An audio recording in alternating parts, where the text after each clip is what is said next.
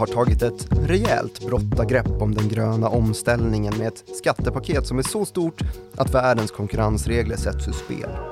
Och lika grön som den amerikanska industrin ska bli, lika gröna av avund står också politiker i Europa med knutna nävar i fickorna. Ska den gröna industrin nu ryckas ur händerna på Europa likt hur såväl tung som högteknologisk industri först löpte iväg till Kina innan mjukvaruekonomins alla techbolag på den europeiska kontinenten såldes ut till USAs Silicon Valley-jättar innan de lades ner i ett rent hutlöst konkurrensbrottsligt förfarande. Det här, det är Follow the Money, en podcast om makt, storfinans och börsen av med mig, IGs marknadsanalytiker Martin Nilsson och Nyhetsbyrån Direkts utrikeschef Joakim Rönning. Tja! Mm. Hej, hej. Hur, hur har du det idag? Bra. Först vill jag säga vilket snärtigt intro du avgav precis. Eh, Tack så mycket. Jag var nervös inför det för jag, har varit förkyld förra veckan här. Jaha. Och jag kände att Ja, det det satt i rösten fortfarande. Ja, men Mm. det gick bra. Tack. Eh, idag ska vi prata om eh, den nordirländska terrororganisationen IRA. IRA. Nej, vi ska prata om det amerikanska skattepaketet IRA. Just det. Vi har varit lite inne på det tidigare. Inflation Reduction Act Ja. står den ju för. Precis, och det här vill man ju varna alla lyssnare för att det inte är lika tråkigt som det låter. Nej, det är faktiskt, Men det låter ju fruktansvärt tråkigt. ja, Inflation Reduction Act. det känns som att det skulle kunna finnas mer drama att återberätta hur eh, den nordirländska motståndsrörelsen där eh, betedde sig. Det har vi gjort. Har vi också gjort.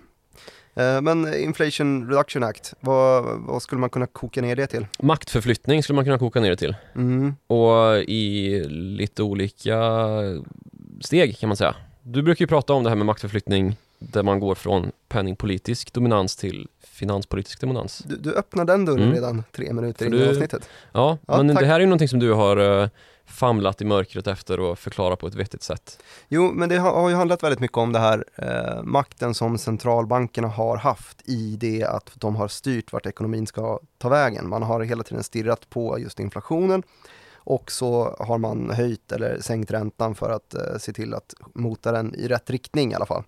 Men jag har på något sätt försökt driva en tes att det sker en maktförflyttning bort från centralbankerna och till finanspolitiken istället, alltså den skattefinansierade delen.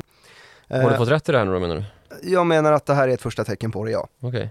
Och när vi har pratat om det här tidigare, just maktförflyttningen från centralbankspolitik, alltså penningpolitiken, till finanspolitiken, så har vi bottnat i att det förstnämnda, centralbankspolitiken, är bredare i sin stimulans eller eh, det motsatta, sin åtstramning, som vi just nu eh, blir utsatta för. Men eh, den finanspolitiska delen istället, den är mer precis. Man kan rikta in sig exakt vilka sektorer. Kanske inte helt exakt, men långt mer precis än vad den breda penningpolitiken är i alla fall. Mm. Och Inflation Reduction Act, ja men det är ett politiskt initiativ för att då få ner inflationen. Och man skulle väl kunna säga att den här har två stycken olika delar, både investeringar och, och utgifter. Och summa summarum av det här ska då vara att intäkterna blir större än investeringarna i Inflation Reduction Act. Och var tar man pengar från? Mm, man tar pengar lite grann från företagen. Det finns en ganska stram bolagsskatt. Det finns också någonting som eh, farmabolagen just nu håller på och lobbyar för att inte få igenom. Och det är att eh, se till att prissättningen på läkemedel ska kontrolleras lite stramare från amerikanskt håll. Det här har ju varit en hjärtefråga inom den inhemska amerikanska politiken hur länge som helst. Jävlar vad länge det här har dribblats med. Det, varenda president har ju Mm. varit tvungen att adressera den frågan. Det ständiga Big Pharma-debaclet. Just det. Eh, Men så att de har då, då på, ska man säga, om man tänker staten som ett företag i alla fall, intäktssidan så har de då att de stramar åt skatterna för företagen, det blir dyrare för företagen men lite större skatteintäkter menar de här i alla fall. Det finns ju också då den här prissättningen på läkemedel som de stramar åt. Och sen så har de ju också då investeringar såklart. Mm. Och det är här jag menar att finanspolitiken har möjlighet att vara mer precis än vad centralbankspolitiken Lite Robin Hood. Just det, de tar pengar, tänker de, från stora eh, farmabolagen och så lägger de det istället på, ja vadå, Ja, de ska ju lägga det i det här enorma gröna paketet. vindsnurror. Just det, ja, i princip. Och en del av argumentationen är ju då att man ska återuppliva det här rostbältet som vi även här i the Money har populariserat som eh, fentanylbältet. Kommer du ihåg det? det var ganska Mm. nyss. Och här ska då byggas solkraft, vindkraft, kärnkraft, grön vätgas och koldioxidinfångning och sådana här grejer. Därigenom så ska man då inte bara klimatomställa USAs ekonomi utan bidra till att klimatomställa hela världens ekonomi naturligtvis eftersom att man också utvecklar saker i det här landet. Och då är ju liksom inte minst ambitionen att man ska ta tillbaka initiativet från årtionden av lika konkurrensmässigt förfärliga statsstöd i Kina som ju har lett till att det landet har fått en total dominans inom den gröna ekonomin och idag sitter på hela den resurskedja som krävs då för att tillverka grön kraftgenerering. Och det är ju någonting som har problematiserats rejält av industrin här den senaste tiden, sedan pandemin egentligen. Mm. När då Kina stängde ner och det blev problem att få till sig varor och komponenter som behövdes då för den här klimatomställningen. Inte bara den utan för hela världens ekonomi, all produktion som vi, som vi är beroende av. Man blev varse flaskhalsar i systemet. Ja, precis. Men särskilt då inom, inom grön energi. Där är Kina okuvligt liksom en stor makt idag. Vi klarar oss inte utan Kina. Just det. Och summa summarum av det här paketet ska då vara en budgetmässig plusaffär, 300 miljarder dollar ungefär ska mm. det generera till staten och alltså då vara åtstramande netto för hela ekonomin. Just det, man sänker sitt budgetunderskott. Och trycker ner inflationen i tanken. Med hjälp av Ted Gärdestad Energi. Mm -mm. Vad är det för något? Sol, vind och vatten. Just det. Och här har vi ju kunnat notera en rätt duktig omsvängning i den amerikanska politiken ju. Mm. Som har gått från, ja men det, nu måste vi rädda klimatet, till, vadå rädda klimatet? Det finns inget att rädda. Eh, det, det finns väl inte ens något klimathot Nej, utgångspunkten? Kanske inte. Man ska ge Donald Trump att han inte var all out klimatförnekare, men han var ju där och tassade i alla fall. Mm. Sen så kom då Joe Biden och sa att, ja, men som ett av sina första och största kampanjlöften att om jag blir president så kommer jag återinställa USA under Parisavtalet, alltså FNs klimatmål. Och det var ju då ett avtal som Donald Trump drog USA ut ur. Just det. Och det här möttes ju av reaktioner från Europa naturligtvis, som ju, ja, en allmän väldigt stor besvikelse och europeiska politiker visste inte riktigt om man skulle skratta eller gråta. USA skulle satsa på fossila bränslen och återuppliva rostbältet då med olja, kol och gas ett rostbälte som alltså blivit ett fentanylbälte med stora problem med opiatmissbruk och misär kan man säga. Det skulle bli bättre genom att gå bakåt var Donald Trumps plan helt enkelt. Mm. Återställa till fornstora dagar var tänket. Ja, lite så. Rostbälte skulle bli rostigt igen. Nu ska ju det här rostbältet bli rostigt på ett annat sätt. Mm. Och den omsvängningen då stavas ju Joe Biden naturligtvis och hans nu då så initialt omåttligt hyllade och sekundärt omåttligt kritiserade statliga investeringsprogram då, som ju går under förkortningen IRA, allmänt uttalat som IRA då för att inte blanda ihop det med den irländska republikanska armén. Och det är ju en helt kolossal satsning det här, med hundratals och åter hundratals miljarder dollar i stöd för privatsektorinvesteringar i grön energi kan man säga, som då ska accelerera USAs klimatarbete. Och det här åstadkommer man då med hjälp av skattesubventioner som i princip gör att USA blir helt oemotståndligt för de olika satsningar. Och då blir det inte försvarbart att förlägga sina gröna investeringar någon annanstans, kan man säga. Inte ens för bolag som inte är amerikanska, utan som kanske är hemmahörande i Europa. Det finns det ju exempel på, inte minst i form av eh, Northvolt vår svenska batterientreprenör uppe i norr. Som ju också lägligt nog eh, sneglar på att gå till börs, ja. fick vi höra här. Jag tror att det var Reuters som eh, skrev om de ryktena som ju har florerat på svensk mark under ganska lång tid i alla fall, att mm. de eh, vill ta sig till börsen och plocka in pengar den vägen. Att de sneglar på jag tror att det stod New York-börsen eller Europa. Ja, ja Jag vet det. inte riktigt var i Europa i så fall. Det var jag som skrev den texten som du nog läste. Okej. Okay. Eh, varför skrev du eller Europa? Därför att det var det som var ryktena. Att eh, Northvolt då tittar på antingen Nasdaq är väl mest sannolikt eller någonstans i Europa och då kan väl Stockholmsbörsen kanske hoppas på att få den till sig för det är ju lite av en lovande notering kan man säga. Just det. Stort intresse. Eh, en, en värdering på dryga 20 miljarder dollar skrev du i texten också va? Just det, och de har tagit in 8 miljarder och den senaste kapitalanskaffningsrundan så nådde man värderingen 12 miljarder så det här går ju uppåt framåt. Mm. Kan det vara då också så att just att man eh, nämner där att man är ute efter att kanske eh, ta sig till USA-börsen, att man också vill positionera sig för att i framtiden kunna ta del av något form av statligt paket? Jag vet inte. Eh, men däremot så har ju Northvolt sagt då tydligt att EU måste, för att inte bli av med varenda grön satsning och därmed totalt dräneras på investeringar i sammanhanget, komma med något liknande då. Mm. Ett stort förmånligt investeringspaket. Annars kommer man tappa arbetstillfällen och eh, ja, investeringskapital. Och det gör att vi hamnar i en rätt delikat balansgång här ju, där EU och USA har hamnat på konfliktkurs mitt under brinnande krig i Ukraina, där Ryssland ska motas tillbaka med hjälp av västmakternas stöd och visar vi ett allt mer eh, politiskt, geopolitiskt aggressivt Kina dessutom ju, Mm. som ju är lite av en nyckelspelare i det här problemet. Och i Europas industriella livsnerver så rycker det ju nu då en motståndsreaktion kan man säga. Alltså samma Ursula von der Leyen och Emmanuel Macron som för några år sedan bönade och bad till eh, Donald Trump om att schyssta kom tillbaks och bara var lite, lite kompromissvänlig med klimatsamarbete här så ber man ju nu Joe Biden och ta det lite lugnt. Kan inte satsa så mycket på. Nej, precis. De här rekordhöga klimatambitionerna, de kan ju skada det multilaterala samarbetet i västvärlden, fattar du väl, säger de till honom nu. Det är märkligt så här med en, från att vi har gått då från ett handelskrig med, eh, vad ska man säga, hämmande inriktning med mycket tullar så har det nu blivit ett, eh, en dragkamp om företagen genom Ja. vem som kan ge mest subventioner. Så har det blivit. Det var det vi pratade om, nästan bara pratade om innan pandemin bröt ut. Då var det ju handelskrig som var allra högst upp. Ja, precis, under Donald Trumps tid. Att USA skulle införa ståltullar mot EU och då handlar det ju väldigt mycket om biltillverkning och det gör det även nu faktiskt. EU, de hotade med att stänga ute Harley Davidson, eller hur var det? Ja, så, så kanske det var. Vilket hot. Men nu handlar det ju om då att eh, de europeiska biltillverkarna känner att vi får ju inget stöd i, i EU för vår elbilstillverkning på samma sätt som de amerikanska får och det slår ju på priser i förlängningen och vi kommer helt enkelt tappa marknadsandelar i, i USA som ju är en av de viktigaste marknaderna globalt sett vad det gäller bilar. Vad gäller de flesta marknader nästan. Ja, absolut. Alltså helt enkelt att, att de europeiska biltillverkarna kommer få svagare marginaler. Och det här gäller ju inte bara EU-tillverkare, det har hörts även ifrån Sydkorea bland annat, där de har Hyundai ju, som är en stor biltillverkare med eh, stora marknadsandelar i USA, samma med eh, de japanska ju. Så det är inte bara EU och USA som träter här, men det är där den allra högsta sjögången är just nu gällande den här debatten.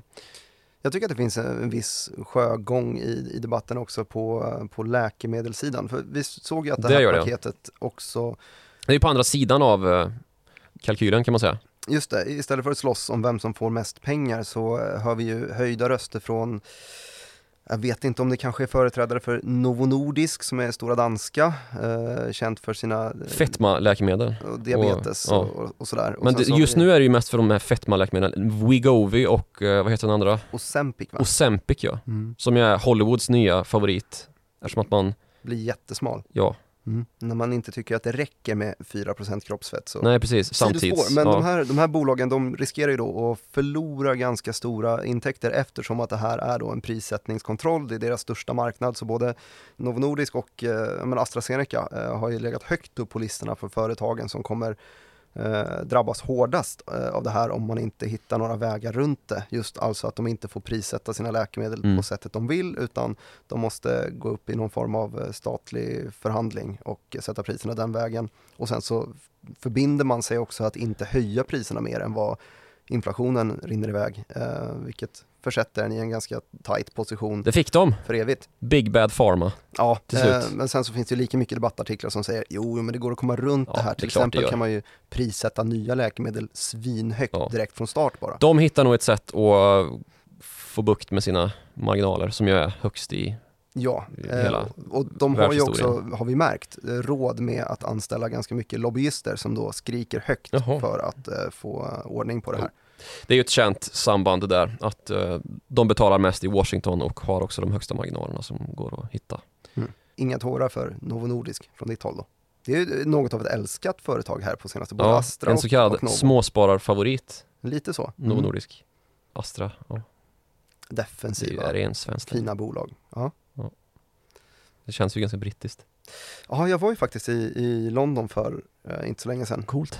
eh, och hälsade på eh, IG-kontoret där borta. Jaha. Och ehm, då var det just på själva rapportdagen för Astra. Och då passade jag på att sticka fram näsan lite extra för jag tänkte, men här kommer de säkert vilja, vilja fråga mig lite grann Mhm. eftersom att det är typ ett svenskt bolag. Trodde du ja. Trodde jag. Eh, De visste inte att det var, hade Nej. svensk koppling. Nej. Jag försökte, men vadå, As- Astra svensk, startades för hundra år sedan i, i Sverige. Mm. Nej, nej, nej, nej. Det var brittiskt. Mm. Ja, Och det de har ju att göra med att Seneca då inte var svenskt. Utan, Nej, det stämmer. så men det är ju parallellnoterat då, så det är både på London Börs och eh, här Ja. hemma. Just det. Nu tycker jag vi pratar mindre om eh, intäktssidan, alltså utmätning av Big Pharma-bolag och sånt där och istället återgå till det här gröna prospektet i, Mhm. i kampanjen som ju är Vad handlar det om? IRA. Ja, det handlar ju då om att man ska göra projekt som tidigare inte har varit lönsamhetsbringande, alltså som har varit förlustprojekt redan i kalkylen. Man vill eh, se till att motivera bolagen att ta den här risken. Ja. De kunde inte riktigt få ihop kalkylen förut, men nu med hjälp av staten så går det att få ihop. Precis, det vägs upp då genom att man tilldelar de här bolagen som vill göra satsningar på sånt som typ koldioxidinfångning eller solkraft eller ja, solkraft går ju att göra lönsamt eh, förvisso, men mycket av sånt här hamnar ju i någon sorts högriskkategori ju. Kan vi verkligen göra det? Och vi har ju exempel på det ganska gott om de senaste åren härifrån svenskt eh, grönt teknikhåll ju. Mhm. Allra senast Swedish Sterling, ett miljöteknikbolag som ju ja, kastade in handduken här alldeles nyss. Just det, typ NGM-noterat, väldigt litet bolag, men som har varit med i svängen ganska länge. Ja, Daniel Eks. Ja. investering blev ju eh, uppmärksammad där. Han har ju kastat in pengar där några gånger och de är ju förverkade Mm. som det ser ut. Och sen så kan vi prata om Aselio också naturligtvis som ju är ett annat bolag som inte riktigt har materialiserat den gröna prestanda som man såg framför sig med eh, just miljöteknik och energi. Det var ju en av de som låg eh, allra högst upp i den här hypen, Ja. typ 2021 ungefär. Eh, När det och skulle s- vräkas in pengar i gröna projekt under pandemin där. Har, har sedan dess eh, gått ner 90 drygt procent. Ja, det, det har ju inte blivit någonting vad det verkar. Så där ser vi ju risken då naturligtvis i den här typen av framtidsräddande projekt. Och då tänker USA att om vi tilldelar de bolag som gör gröna satsningar gröna krediter, alltså utifrån en beräkning av hur stor klimatnytta det här projektet kommer att göra och då är det kanske det inte handlar om sådana här teknikprojekt som inte går att bevisa, typ utan sånt som batteritillverkning, vindkraft, solkraft och annat sånt etablerat inom industrin då. Och därefter så kan de här gröna krediterna säljas eller nyttjas som en skatterabatt för att vända verksamheten då till lönsamhet.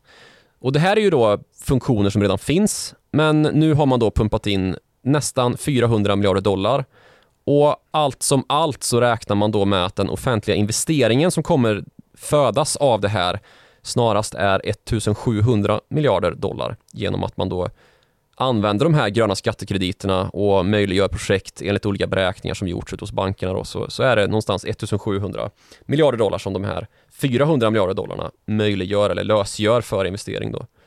Mycket siffror hit och dit, men Ja. om man kollar på eh, lite en, eh, de olika posterna i IRA så är ju det här den absolut största Ja. enskilda posten alla. Där. Och det ska ju då gå till att möjliggöra utvecklings och byggkostnader som i praktiken kan halveras mer eller mindre då. Att man bygger sin batterifabrik för halva kostnaden och det är därför Northvolt tittar över Atlanten och säger Hallå EU, så det där behöver vi också, annars kommer vi flytta till USA, ungefär. Inte riktigt som man har sagt, men det är många som gör det just nu. Mm. Och då går det att dra fram lite faktiska konkurrensexempel då. Där EU sitter i klistret just nu. Till exempel då att EU behöver byta ut sitt naturgasbehov som inte längre kan tillförses från Ryssland ju. Och då har man börjat prata om grön vätgas som tillverkas i Europa för att utöka energisäkerheten då igen. Få Mm. tillbaka den egna makten över vart man vill styra sin politik utan att något annat land i framtiden rycker undan mattan så här som Ryssland ju gjorde vid eh, invasionen av Ukraina. Det är ett problem vi har pratat om, att man börjar importera all naturgas från andra diktaturer istället för Ryssland då. Mm. Men sådana satsningar då, som den här på grön vätgas blir helt oförsvarlig rent ekonomiskt med USAs gröna skattesubsidiepaket då, som ju dessutom kräver lokal amerikansk tillverkning för att man ska kvalificera sig för de här skattesubventionerna. Alltså, du kan inte sitta i, ett EU-land och göra sådana här grejer och försöka konkurrera med en motsvarighet i USA eftersom att de då får så mycket rabatt på att satsa helt enkelt. att du hamnar i ett ofrånkomligt underläge och inte kan göra lika stora satsningar som dina amerikanska konkurrenter då. Mm. Så det, det blir ett hårt slag istället för de bolagen som försöker ta mark på den här arenan. Jag tänker ju direkt på något som också seglade upp där i början av 2021, Powercell, den här gamla Volvo-avknoppningen som eh, blev big in Tyskland. Mm. Ehm, Bosch, Bosch, har de med, eh, eller har de avtal med. just det, de gör väl också någon form av industriella vätgasbatterier? Eller hur funkar det? Ja, det är ju bränsleceller de jobbar med. Okej, det var i alla fall väldigt upphypat där under i början av 2021 och har väl inte sett i närheten av de kursnivåerna sedan dess utan är väl eh, halverade. Det har det inte. Vätgas har ju blivit lite grann en stagnerande hype, får man väl ändå säga. Mm. Utan att dra någon sorts prognos på vart det är på väg någonstans. Så att de om några känner att det, det känns lite tufft om eh, det plötsligt kommer upp konkurrenter som svampar fast i USA istället. Ja, precis. Alltså, Europa kan inte konkurrera under de rådande förutsättningarna då efter att IRA har blivit lagstadgat. Och det leder till svagare ekonomi och flykt till USA där förhållandena då är mer gynnsamma ju. Mm. Och den här saken har nått så långt nu då att EU kallar det för brottsligt gentemot handelsrätten enligt eh, Världshandelsorganisationen WTO ju. Mm. Att USA stänger gränsen snarare än att man handlar öppet och eftersom att EU-tillverkade komponenter som ska användas till exempel i vindkraft då i praktiken blir straffbeskattad även om de har viss tillverkning i USA, de här bolagen som tillverkar. Och det är tyvärr här kampen står nu då mellan USA och EU. Ja men för det här, det här snacket med eh, gröna energiproducenter, vi har ju en mängd sådana, eh, har ju mest handlat om EU och USA på något sätt. Eh, allierade mot Kina och, och resten av världen. Att, Ja precis, en massa wine om hur jobbigt det är att Kina håller på och satsar en massa statskapital, alltså illegalt statsstöd som man också kallar det ibland. Mhm. Och att konkurrensen då blir skev, snedvriden och att utveckling i förlängningen drabbas då av stordriftsfördelar i Kina som inte forskar lika mycket och att bolag som vill genomföra utvecklingssatsningar i, i västvärlden då, vilket ju vi är bra på, eh, inte har det marginalstöd som krävs, alltså inte gör de resultaten som behövs för att man ska kunna se en satsning motiverad då från kapitalmarknaderna sett. Mm. Men nu är ju konkurrensen med Kina så som den är, alltså Kina är världsdominant på grön energi. De hade ett stort, eh, framförallt solenergiinitiativ här som de har Precis, det är ju det skarpaste skälet liksom till att den här debatten har seglat upp då, att Kina har tagit en jättestor makt inom solkraft. Så det är en situation som består samtidigt då som vi har det här paketet under lupp just nu. Att konkurrensen med Kina är den allra svåraste, givet att de redan har gjort och fortsätter dessutom göra stora satsningar på grön energi och då särskilt på råmaterial som behövs för att bygga sånt som används inom grön energigenerering. Alltså batterier, solpaneler och sånt där man ju i princip har monopol idag liksom. Du, vi kom in på gruvnäringen direkt. Ja, vi kommer nog göra det. Men först vill jag säga att det de är allra, allra starkast på, nästan monopol alltså, är vad det gäller raffinaderi. Det kanske man inte tänker på när det gäller råvaror i sin helhet utan mest på, på oljesidan då, att man måste ju raffinera olja. Du kan inte bara liksom köra upp olja ur marken eller från havsbotten och sen skjutsa in det i en bil liksom och tänka att det här blir bra. Du måste ju utvinna diesel eller bensin ur oljan för att kunna använda den i en bil. Liksom. Det finns ju en massa, massa olika användningsområden för råolja naturligtvis, men den, den har en massa processsteg på vägen då innan den hamnar i sin rätta applikationsform. Och det måste det såklart vara på den övriga råvarusidan också när man plockar upp Ja, precis. sällsynta jordartsmetaller Ja. koppar. Ska vi ha nickel, kobolt och litium i våra batterier så måste vi gå via Kina med skiten. Det är så det ser ut idag. Mhm. Och detsamma med sällsynta jordartsmetaller naturligtvis. Ska vi ha sällsynta jordartsmetaller för solpaneler så måste de i princip ta vägen förbi Kina. Och visst så börjar man nu titta på att bygga sådana här anläggningar även i, hos oss här i, i Europa och i USA. Men sån utveckling tar skitlång tid. Och på kort till medellång sikt är vi därför helt beroende av Kina, tyvärr. Så IRA är helt beroende av Kina, parodiskt nog, och det är helt orealistiskt att USA ska bli självförsörjande på det här ens på lång sikt. Mm. Det är inte Kina heller, ska man säga, helt och hållet. Det är för komplext och för många delar i den här leverantörskedjan för att man ska kunna centrera allting runt ett enda land, en enda ekonomi.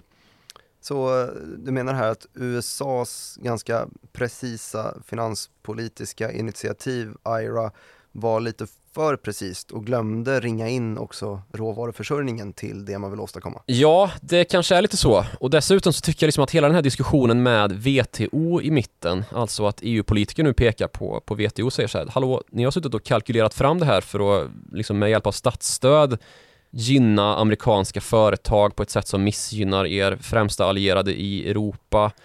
Det är inte schysst och sen så kom det här som en vindpust från historien lite grann. Hur då vindpust från historien? Ja, men USA hade ju inte varit ett land överhuvudtaget utan sina handelskonflikter.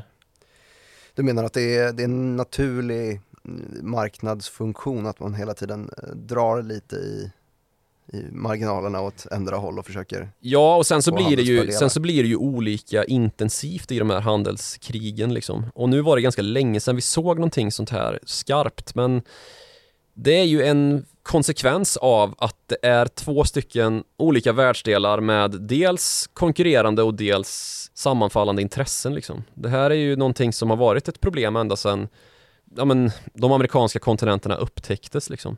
Mm. Den, den så kallade triangelhandeln som vi hade mellan Europa då, som skickade vapen till Afrika, som skickade människor, alltså slavar, över Atlanten till Karibien, som skickade socker till eh, Nordamerika och slavar naturligtvis, så att de kunde få bomull och annat och så skickade Nordamerika då tillbaka gods över Atlanten till Storbritannien.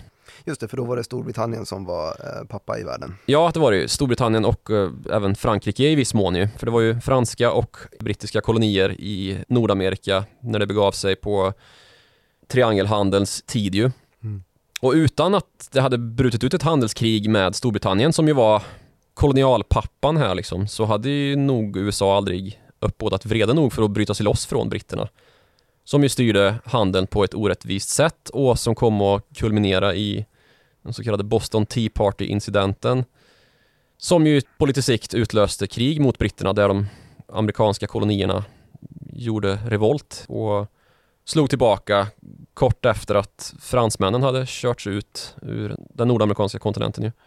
Nu har vi ju backat, vadå, 300 år. Eh, Ja, men det var länge sedan vi gjorde det tycker jag. Ja, och nu har ju du öppnat den dörren i alla fall, så då kan vi väl ändå ställa oss den, den frågan och förklara lite grann. Hur kommer det sig att eh, britterna kontrollerade handeln? Ja, men i grunden var ju de här kolonierna i vad som skulle komma att bli USA brittiska då efter att fransmännen hade kastats ut i det så kallade sjuårskriget. Och det var ju ett krig som fördes i såväl kolonier som på hemmaplan i Europa, alltså även i Nordamerika då. Och när det här kriget tagit slut och britterna vunnit så hade de inte så mycket att fira egentligen eftersom att deras kassakistor var lika tomma som Frankrikes. Vilket som alltid föll tillbaka på skattebetalarna ju. Mm. När staten skulle försörja sig. Och de hade inte heller så mycket att bidra med, alltså skattebetalarna då, på grund av sitt eget krigsarmod. Så ansvaret kom att lastas över Atlanten och angå kolonialisterna då istället. Som i den jämförelsen då var motorn i den här imperieekonomin som alltså ja, hade någon sorts återhämtningskraft då. Råvarorna kort och gott. Mm. Men det örat vill man ju inte lyssna på då. Att eh, bara för att ni har hållit på och krigat här så ska vi behöva försörja era kassabeslut och dåliga krigföring när ni kommer och utmäter oss på den liksom ekonomiska makt som vi här har byggt upp under några generationer som kolonister. Vilket år är vi framme vid då? 1760-1770-talet handlar det om. Boston Tea Party var 1773 om jag inte missminner mig. Mhm. Länge sedan i alla fall. Länge sedan. Och då sparkade man alltså bakut genom att sätta sig upp emot det här enväldet som var de brittiska handelsreglerna då. Som i princip tvingade all handel i Nordamerika att betala skatt till brittiska kronan genom det att bara brittiska fartyg fick transportera och bara brittiska hamnar fick lossa gods från Amerika. Och det mest kända brottet då är när amerikanerna vägrar lossa en last med brittiskt te och istället stjälper den över bord vilket då renderar i den här upptakten till amerikanska frihetskriget ju som slutar med att George Washington, gammal överste från sjuårskriget får hjälp av fransmän efter att ha kört ut dem. Mhm. För fransmännen ville ju gärna se att britterna skulle förlora. Och så blir eh, USA ett land då när de här klassiska gubbarna John Adams, Thomas Jefferson och Benjamin Franklin skrivit konstitution och självständighetsförklaring och så.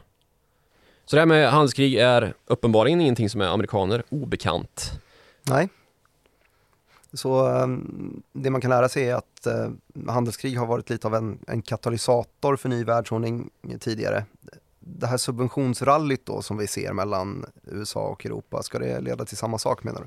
Ja, men det är ju inte så jävla upplivande i alla fall. Nej. För det här är ju någonting som vi har kritiserat Kina för i många herrans år. Gör inte så här. Det är inget bra för utvecklingen i världen. Mm, det blir en snedfördelning, det blir en dålig konkurrenssituation och konkurrens är det viktigaste vi har liksom. Eh, och det är någonting som framförallt EU har ridit fram med nu. Du sa i introt här att vi har sett en mjukvaruupphandlingskapacitet från amerikanskt Silicon Valley-håll som ju inte har varit särskilt gästvänlig för de europeiska techbolag som har köpts upp. Det finns ju en mängd sådana exempel som EU satsar på att försöka få amerikanska bolag att betala böter för. Och att den konkurrens som kommer från USA inte är regelmässigt korrekt då. Att man sitter och skattar i skatteparadis samtidigt som man konkurrerar ut en massa inhemsk, europeisk plattformsekonomi. För det är ju mycket där det handlar om, alltså e-handelsplattformar och sökmotorannonsering och sociala medier och sånt här. Så är ju konkurrensmarknaderna, alltså de öppna marknaderna, någonting som USA har gått i bräschen för ju. Och det har ju sin uppkomst lite grann i just det amerikanska frihetskriget och att man då fick sig en ny form av statsbildning där ju. Som inte hade någon monarki, alltså inget kungahus, hade ingen statskyrka utan ägnade sig åt liberalt styre helt enkelt och försökte öppna upp då. Men det går precis tvärt emot den Ja, nu- Precis, nu. nu blir det ju protektionism av det här istället och det är någonting som är ganska obekant i den här situationen då. Där man snarast har i tidigare historieled varit intresserad av att exportera sin stora tekniska suveränitet över världen och hela tiden ligga lite ett steg framför.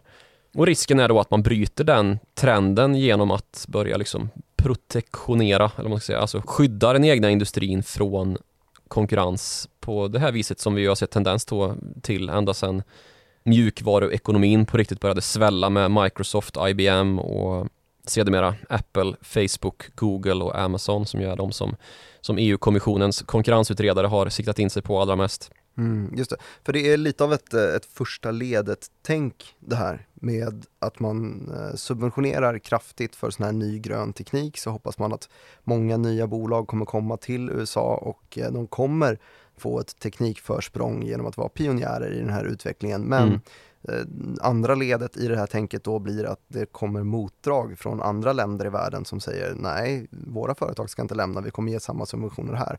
Och i slutledet då så blir det då istället att eh, amerikanska bolag stannar i USA och europeiska bolag stannar i Europa och samarbetar inte lika mycket Nej, över gränserna. exakt. Och eh, man får mindre utveckling därigenom. Sen har vi ett annat stort problem eh, med såväl IRA som med ja, alla gröna projekt i västvärlden och inte minst i Europa. Och det har vi också pratat om tidigare i, i avsnitt om sånt som handlar om not in my backyard problematik. Mhm. Alltså att våra demokratiska styrsätt gör att det är lätt att överklaga saker som man inte är riktigt nöjd med. Man är markägare och någon säger ska du bygga lite vindkraftverk på din mark? Då säger man nej, det ska du inte alls det. För jag tycker jättebra med grön energi men kanske inte just här så att det förstör min utsikt. Mm. Och swooshar och swishar i luften. Och då har det tagits upp då att men de här reglerna måste vi lätta. Alltså att man kan köra över markägare och um, se till det stora hela. Men det finns en uh, motpoäng att göra i, i det resonemanget. Hur låter den? Ja men det handlar ju om att det är förmodligen regler som fossilbränslebranschen också skulle ha ganska stor nytta av. För det blir nog svårt att säga, vi gör det lättare att få igenom gröna energiprojekt men inte fossilenergiprojekt.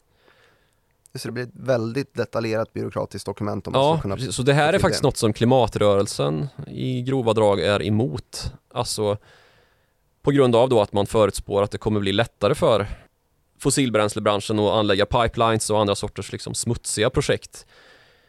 Det här är ju en extremt kapitalstark bransch ju, särskilt just nu efter rekordvinsternas år 2022. Mm.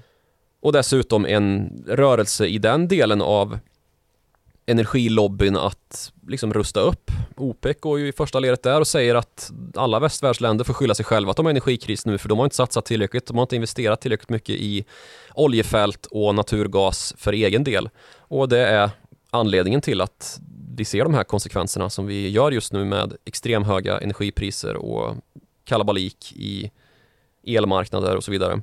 Så då finns det då en risk att man helt enkelt drar nytta av en sån eh, potentiell omreglering då som gör att det blir lättare att kavla ut sådana här energiprojekt då som är gröna till att även bli bruna eller vad man ska säga. Och att Markexploatering i största allmänhet. Ja, och att liksom klimatfarligt bränsle blir lättare att extrahera och populärare att bränna givet att priset är så mycket lägre helt plötsligt än vad de gröna motsvarigheterna är. Så mm. ja, man ser ju verkligen problemet där. Och ett annat stort problem med IRA, det är ju arbetskraftsbrist. Mm. Kampanjen har ju sin grund i att man skulle återställa de här arbetstillfällena i rostbältet egentligen. Mm. Parallellt då med att man ska få en grön ekonomi, en grönare ekonomi. Men USA har ju inget arbetslöshetsproblem idag. Nej, men, men förhoppningsvis så har de kanske det eh, i framtiden. Och förhoppningsvis säger då ur ur Jerome Powells eh, tänk i alla fall. Eh, för där finns ju då tanken om att eh, får man bukt med inflationen, som ju det här paketet också syftar till att göra, så blir det på ja, Man tänker naturligtvis långsiktigt här, men om man ska se det kortsiktigt då, eller ur den situation vi står i just nu, så behövs ju inte det här paketet överhuvudtaget ju. Nej, det är ju då om alla de här läkemedlen, eh, läkemedelsbolagen behöver dra ner på sin verksamhet, sparka ett gäng människor som då plötsligt får flytta ner till rostbältet och skapa den nya ja. gröna industrin. Konstig omfördelning. Ja. Jo, men ur ett nulägesperspektiv då så, så innebär ju hela den dynamiken att lönsamheten går ner för hela den här satsningen då som ju från början är sponsrad och dopad till lönsamhet av staten genom att man då får göra en omfördelning i arbetsmarknaden eller i, i den arbetande befolkningen och det kommer ju driva upp arbetskraftskostnader då. Alltså, folk kommer behöva tilldelas någon sorts incitament för att flytta på sig och delta i de satsningar då som behöver göras. Och de kommer inte göra det. Det vet man med säkerhet från forskningen att det kräver högre löner helt enkelt om man ska få folk i så stor skala och byta jobb och ta anställning i de bolag som nu ska genomföra de här nya satsningarna i ekonomin då när man gör sådana här stora du menar att subsidiepaket. Northvolt kommer ha problem att anställa sina typ 3000 personer som ska bo där uppe i norr och driva den anläggningen? Ja, alltså det finns väl en anledning till att många sådana här bolag lägger sina utvecklingscentran betydligt mer urbant än eh, där uppe. Mm. Så det är absolut att det är så, att man har svårt att attrahera folk till Skellefteå eller sådär.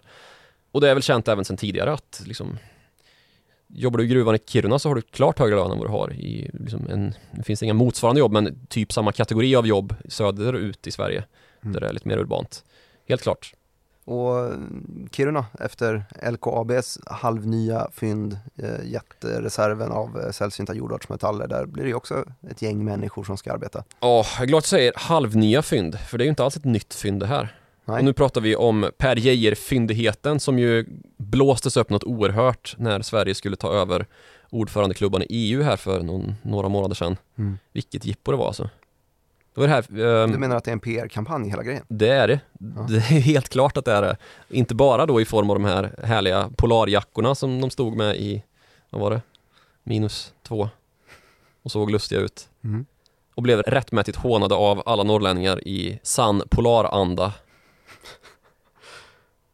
det, var ju ändå lite kallt, eller? Ja, men skit i det här men det, det här är ju ett känt fält. Ja. Det är ju en känd fyndighet. Mm. Var, var inte det här en stor politisk blåsning bara? men de kom ju ändå framåt i, i fyndigheten. Det var ju eh, något stort besked som offentliggjordes i alla fall. Ja, men väldigt, väldigt lite detaljer om det nämnda beskedet och det kändes ju mest som att det kablades ut för att ge trovärdighet åt det svenska EU-ordförandeskapet som ju togs över där och då Mm. Ja, det sammanföll väldigt väl. Ja, och det liksom pratas om att vi ska bli som Norge efter oljefyndet eh, där på 60-70-talet och Ebba Busch pratade om att det i alla fall var kanske jämförbart, vilket är bullshit. Och anledningen är just Kina som vi ju redan har gått igenom lite grann. Att vi är så extremt beroende av deras raffinering, av allt vi eventuellt hittar där uppe. Så det är inte bergakungens sal liksom vi har stött på här. Vi får väl bygga raffinering själva då? Ja, precis, men det går ju inte. Det hinner vi inte. Och det är därmed inte literally a gold mine, som Ebba Busch sa. Och vi har inte ens pratat om energibristen vi lider av, som vi skulle försöka komma fram till lite grann. Hur ska vi få upp alla de här hundratusentals tonnen bergkross? Det är ju dessutom i konkurrens med de här gröna stålprojekten som ju är i Norrland.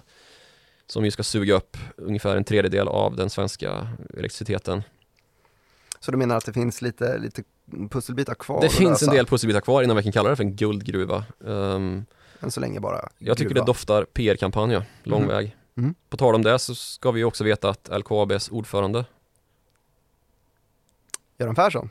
Göran Persson, Mm. han är PR-konsult han. Jo det är de, det är de Mest alla. känd som PR-konsult. Nej, ja, jo, numer. Kanske Ja. mest känd som. Nej, numera är han väl mest känd som uh, Swedbanks ordförande. Men han är även ordförande i LKAB, tidigare statsminister.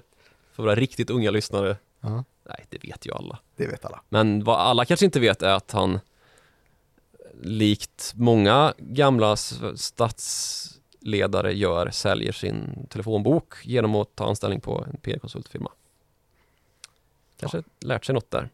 Men LKAB, hur, eh, hur mycket handlar det om fyndet? Ja, ja, 500 miljoner ton ska det röra sig om. Eh, och det ska då vara Europas största fyndighet av sällsynta jordartsmetaller. Mm.